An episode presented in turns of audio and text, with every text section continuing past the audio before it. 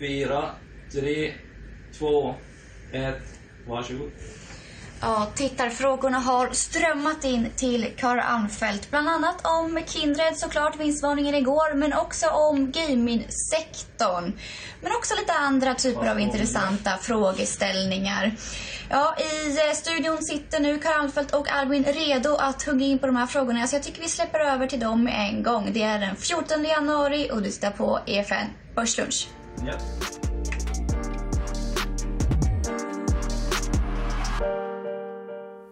Tack för det, Matilda. Ja, en eh, dramatisk dag för bettingsektorn men en extra rolig dag för oss i Börslunch eftersom att vi har Carl Armfelt här. Välkommen tillbaka. Tack så mycket. Eh, ja, men om vi börjar i, i, i Kindred-änden. Då. Minus ungefär 20% på dagens eh, vinstvarning. Skyller på sportboksmarginalen. Hur ska vi tänka där? Eh, historiskt så jag tycker man måste verkligen eh, dissekera den här eh, nyheten lite grann. Så är det så att när sportboksmarginalen är låg så brukar det komma tillbaka. Så de pushar väl på att fortfarande Sverige är lite svagt. Nederländerna har blivit tuffare rent regleringsmässigt.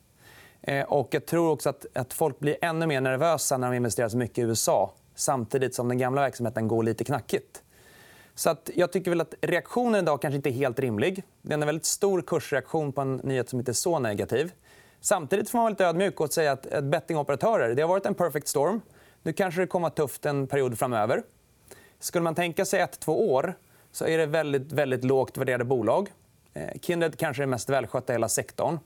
Så jag tycker att, eh, vill man vara lite feg då, då kanske man ska vara aktieägare i Kindred men inte ha så stor position. Då behöver man inte sitta varenda dag och fundera på hur går det nästa kvartalet. Utan då kan man vara lite, tillåta sig själv vara lite mer långsiktig. Men, eh, så jag tycker väl eh, ganska neg lite negativ nyhet, men inte så negativ som, som börsen antyder. Mm. Vi har en graf på tre stycken ganska just sportboksexponerade eh, bolag. Kambi som då levererar oddsboken till Kindred och sen även Better Collective som har mycket revshare mot just sportbetting. Eh, och jag såg att alla, även Kambi och eh, Better Collective var ner 2-3% på det här. Så det kanske är en allmän oro för sportböckerna just det här kvartalet som inte egentligen har har jättemycket med Kindred bolagsspecifikt att göra. Ja, och över tid, jag tycker ändå de operatörer som har mycket sportbok ska man sätta en liten premie på. Det verkar mer socialt accepterat. Eh, du kan urskilja en produkt bättre än inom kasino. Och inte minst i USA så märker man att det är faktiskt sportböcker. Det är där det har tagit mest fart nu. Eh, där är regulatorn lite mer vänlig och tycker att det är faktiskt någonting som är lättare att tillåta. Så jag tror ändå att, att över tid så ska man ändå sätta en premie på de operatörer som är duktiga på sin sportboksprodukt. Mm. Vi har, har ju lite tittarfrågespecial idag. Det kommer jättemycket frågor. Det var många frågor om Kindred. Och, och du nämner att de investerar en del i USA. Det är också en av anledningarna till att eh, den här vinstvarningen kom. Eh, då kanske man ska blicka en, eller två eller tre år framåt för att få se frukten av de investeringarna. Det är ingenting som brukar komma direkt. Det kommer inte komma direkt.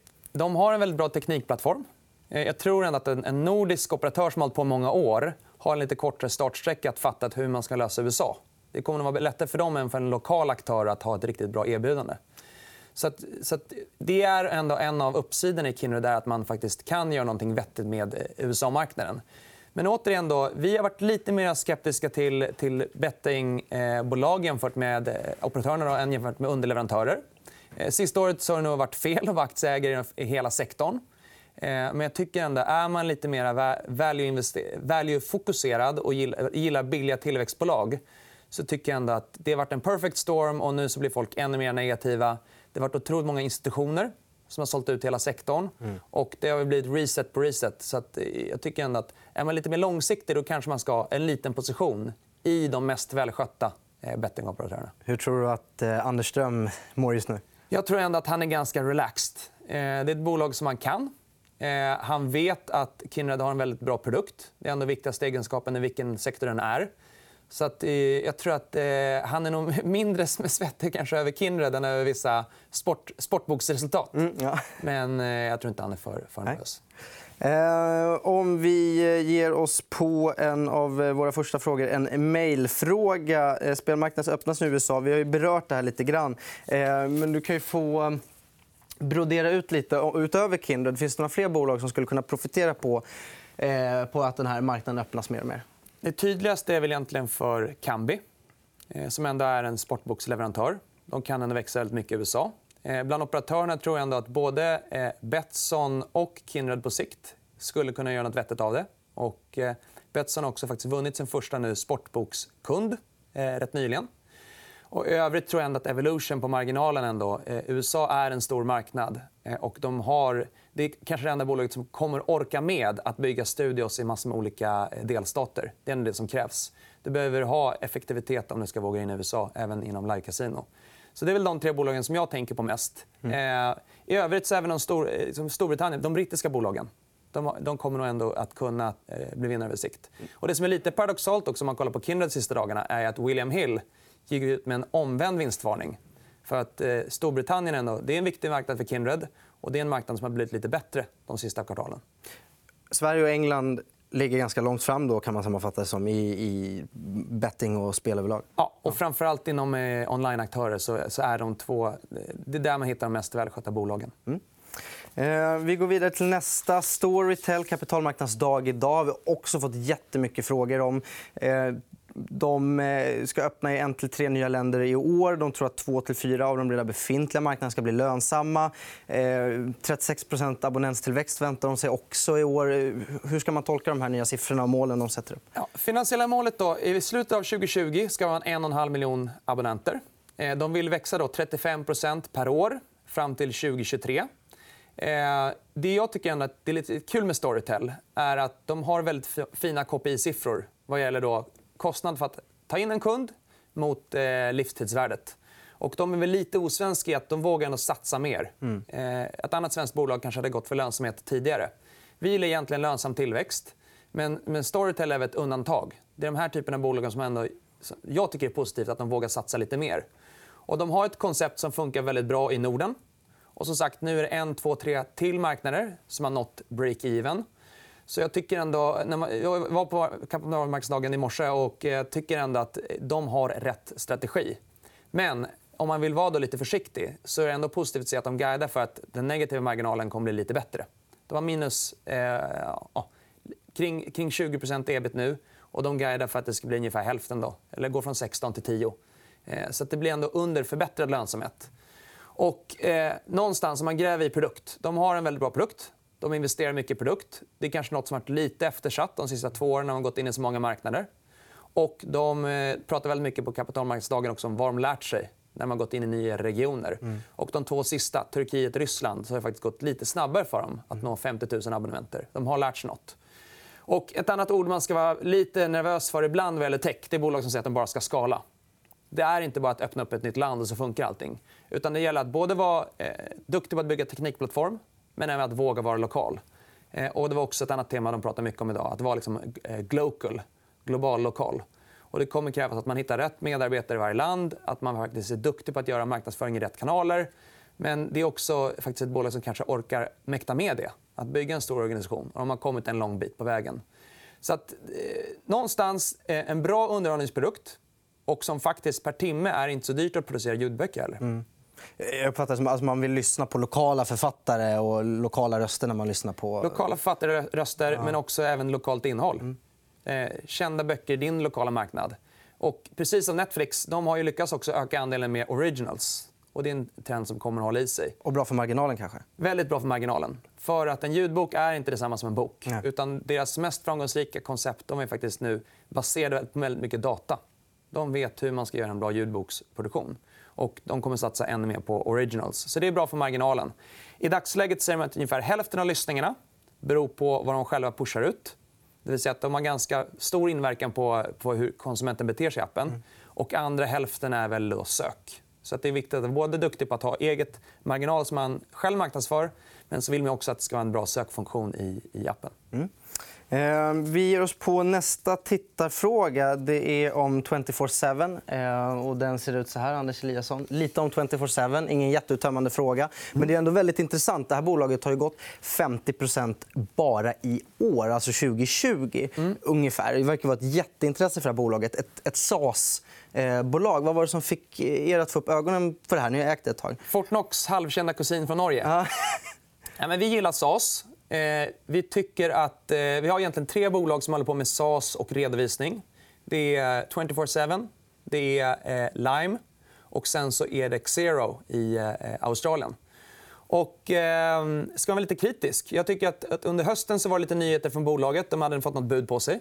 Jag tycker fortfarande att 24-7 är sämre vad gäller corporate governance än Lime. Och jag tycker också att den incidenten visar på att det här bolaget faktiskt måste ta corporate governance-frågor på lite större allvar.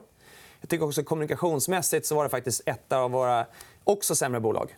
Eh, som de kommunicerar den situationen tycker inte jag att man ska eh, förvänta sig av ett, ett börslistat bolag. Och det är klart att varje enskild händelse kanske är stokastisk. Men vår erfarenhet är ändå att om det finns rök så kanske det är någon eh, pistol någonstans. Och jag tycker ändå att ett börsbolag, om de vill lyckas attrahera institutionella investerare då måste de bli lite bättre på att faktiskt visa att de har en tydlig riktning att förbättra corporate governance. Och det grundar sig lite i att de har historiskt har haft eh, två olika eh, bolag som har delat på sig. Och där har samma styrelse i båda bolagen. och Det komplicerar situationen lite. Det är svårt än att säga hur det kommer att gå för dem i Sverige. De har nyligen eh, gett sig på att försöka lite mer aggressivt expandera i Sverige. Mm. Och skillnaden från, från eh Fortnox då, det är att de är eh, lite mer mot mellanstora bolag. Eh, Fortnox är väldigt duktiga på de absolut minsta.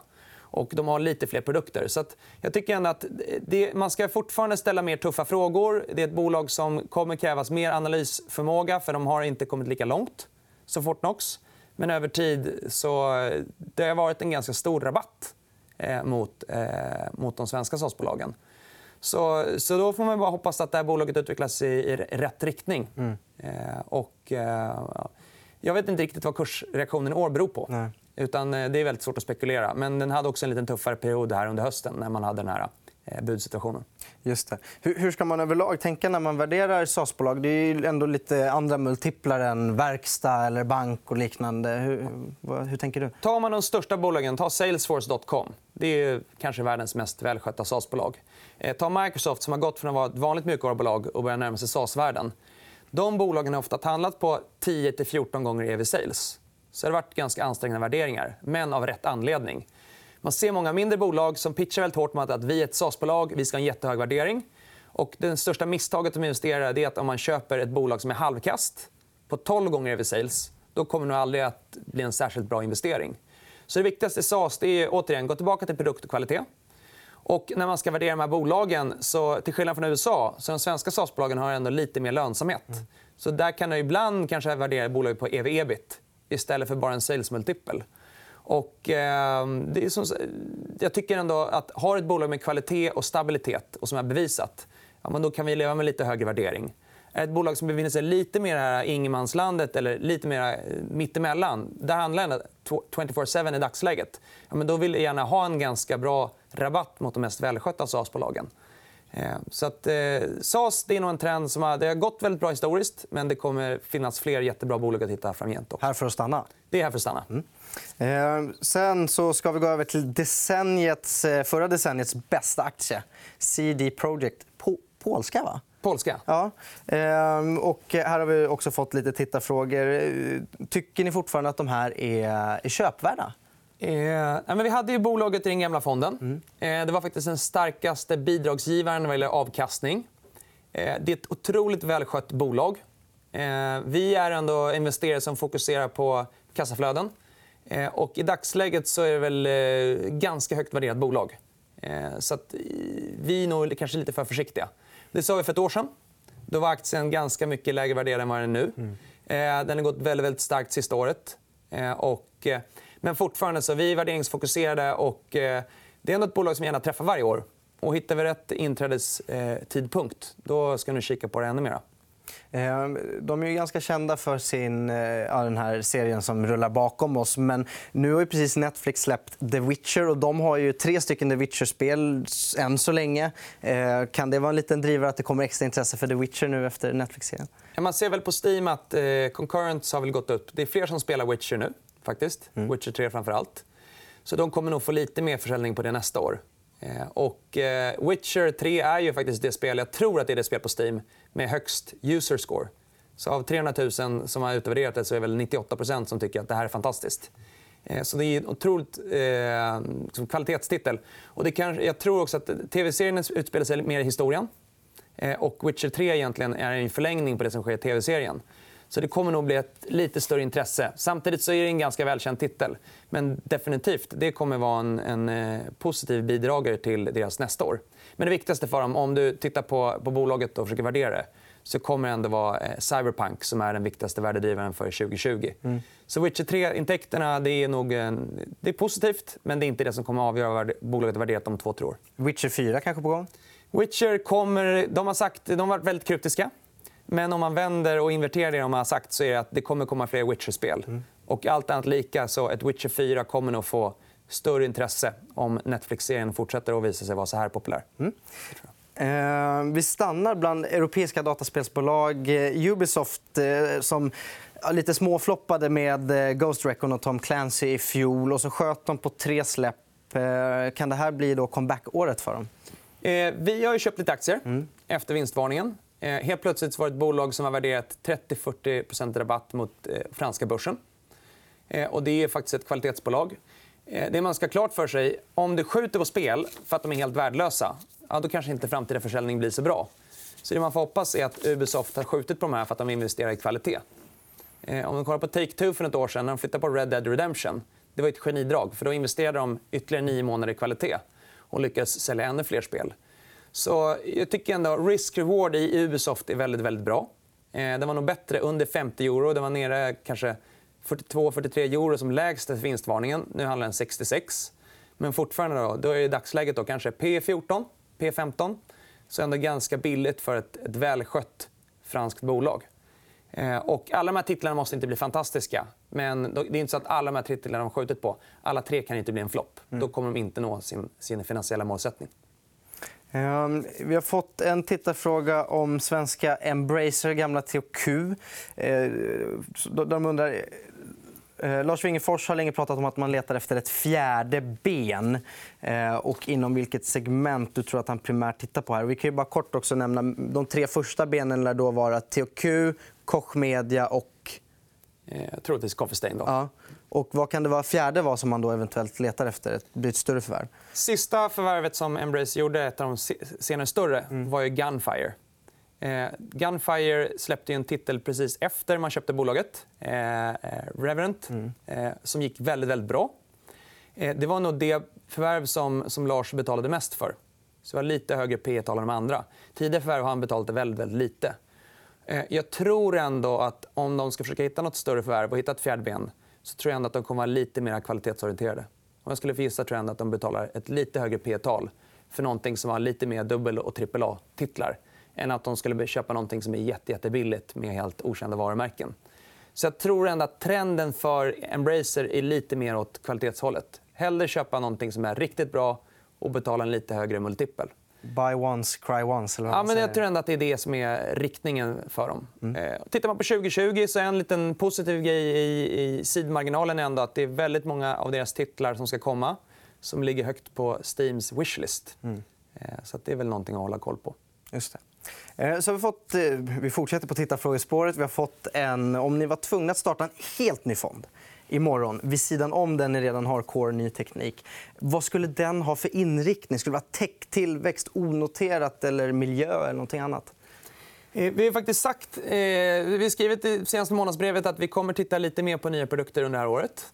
Eh, och ska vi göra en ny produkt så kommer det definitivt vara inom tillväxt eh, och innovation.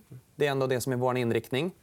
Eh, något som vi har lagt mycket energi på är skulle vi kunna göra någonting som har någon typ av bra hållbarhet och miljövinkel. Eh, det är väldigt många som hör av sig och vill ha en renodlad produkt inom det området. Och, och där ska vi höja ambitionen om vi, om vi släpper en andra fond. Men då måste vi också göra det på, ett, på rätt sätt. Vi, måste, vi kan inte bara marknadsföra oss som att det är världens mest hållbara fond mm. och sen inte hitta rätt bolag. Utan det är någonting som vi måste göra på riktigt i såna fall. Eh, och det är svårare sagt än gjort. Eh, många gillar miljötemat, men när man tittar på bolagen så är det väldigt få renodlade miljöbolag som bara säljer miljöprodukter. Utan det viktigaste miljöjobbet sker ofta inom större bolag. Och det är väldigt svårt att mäta. Och då blir det väldigt grumligt. Eh, och hitta ESG-vinnare och så vidare. Eh, det är jättesvårt att göra på, på ett riktigt bra sätt. Mm. Eh, och där finns också risk att många fondbolag kanske är för aggressiva i en marknadsföring. och sen får, får sanktioner för att man inte lyckas leva upp till innehållet. Men, men eh, inom teknik och innovation det är ändå något som är pådrivande och något som kan skapa en bättre vardag. Och både inom miljöteknik och inom andra områden så gör vi mycket jobb på kan hitta något som faktiskt är en jätte, jättebra källa till avkastning och eh, långsiktighet. Och det ska vi försöka göra. Så det, blir, det är lite ett kryptiskt svar, men just inom tillväxt och innovation det är ändå där vi ska försöka hitta nya spännande eh, fonder i framtiden. Mm. Eh, och på tal om att hitta hitta, hitta mindre svenska gamingbolag. Vi har fått en fråga här att det minsta svenska gamingbolaget ni har är Stillfront på cirka 10 miljarder i börsvärde. Ehm, och, och, och, frågeställaren då menar på att det finns ganska många mindre bolag på, på börsen. Finns det tankar på att ta in de här mindre? Eller vad, hur ser strategin ut? Vi har fått lära oss inom dataspel att eh, det är inte en, en industri där det kommer automatiskt att skapa aktieägarvärde. Det kanske man kan tro för att det har varit många som varit framgångsrika. Men eh, vi ska fokusera på de lite större bolagen som har lite fler titlar. Eh, fortfarande ska vi vara open-minded. Hittar vi nåt som är mindre och som gör något som är lysande, ja, det är klart att vi kommer titta på det. Men, men bland de lite mindre på börsen i dagsläget så känner vi ändå att Stillfront är kanske det minsta av bolagen som vi eh, in, eh, tycker har lite mer kvalitetsfokus. Eh, det finns många mindre mobilspelsföretag. till exempel. Eh, mobilspel har varit stolpe ut för oss egentligen bara Stillfront där det har betalat sig för aktieägarna. Mm. Och återigen, där kanske man också hellre vill ha ett bolag som är både duktiga på att ta hand om sin produkt men också göra förvärv. Man kanske måste ha den kombinationen för att lyckas inom mobilspel just för att det är en så förändlig värld. Du kan inte leva med ett varumärke utan du kanske måste hela tiden ha en stor portfölj och köpa fler nya bolag. Eh, så att, eh, vi är väl lite försiktiga till de absolut minsta spelbolagen. Fler titlar, mindre risk. Fler titlar, mindre risk. Mm.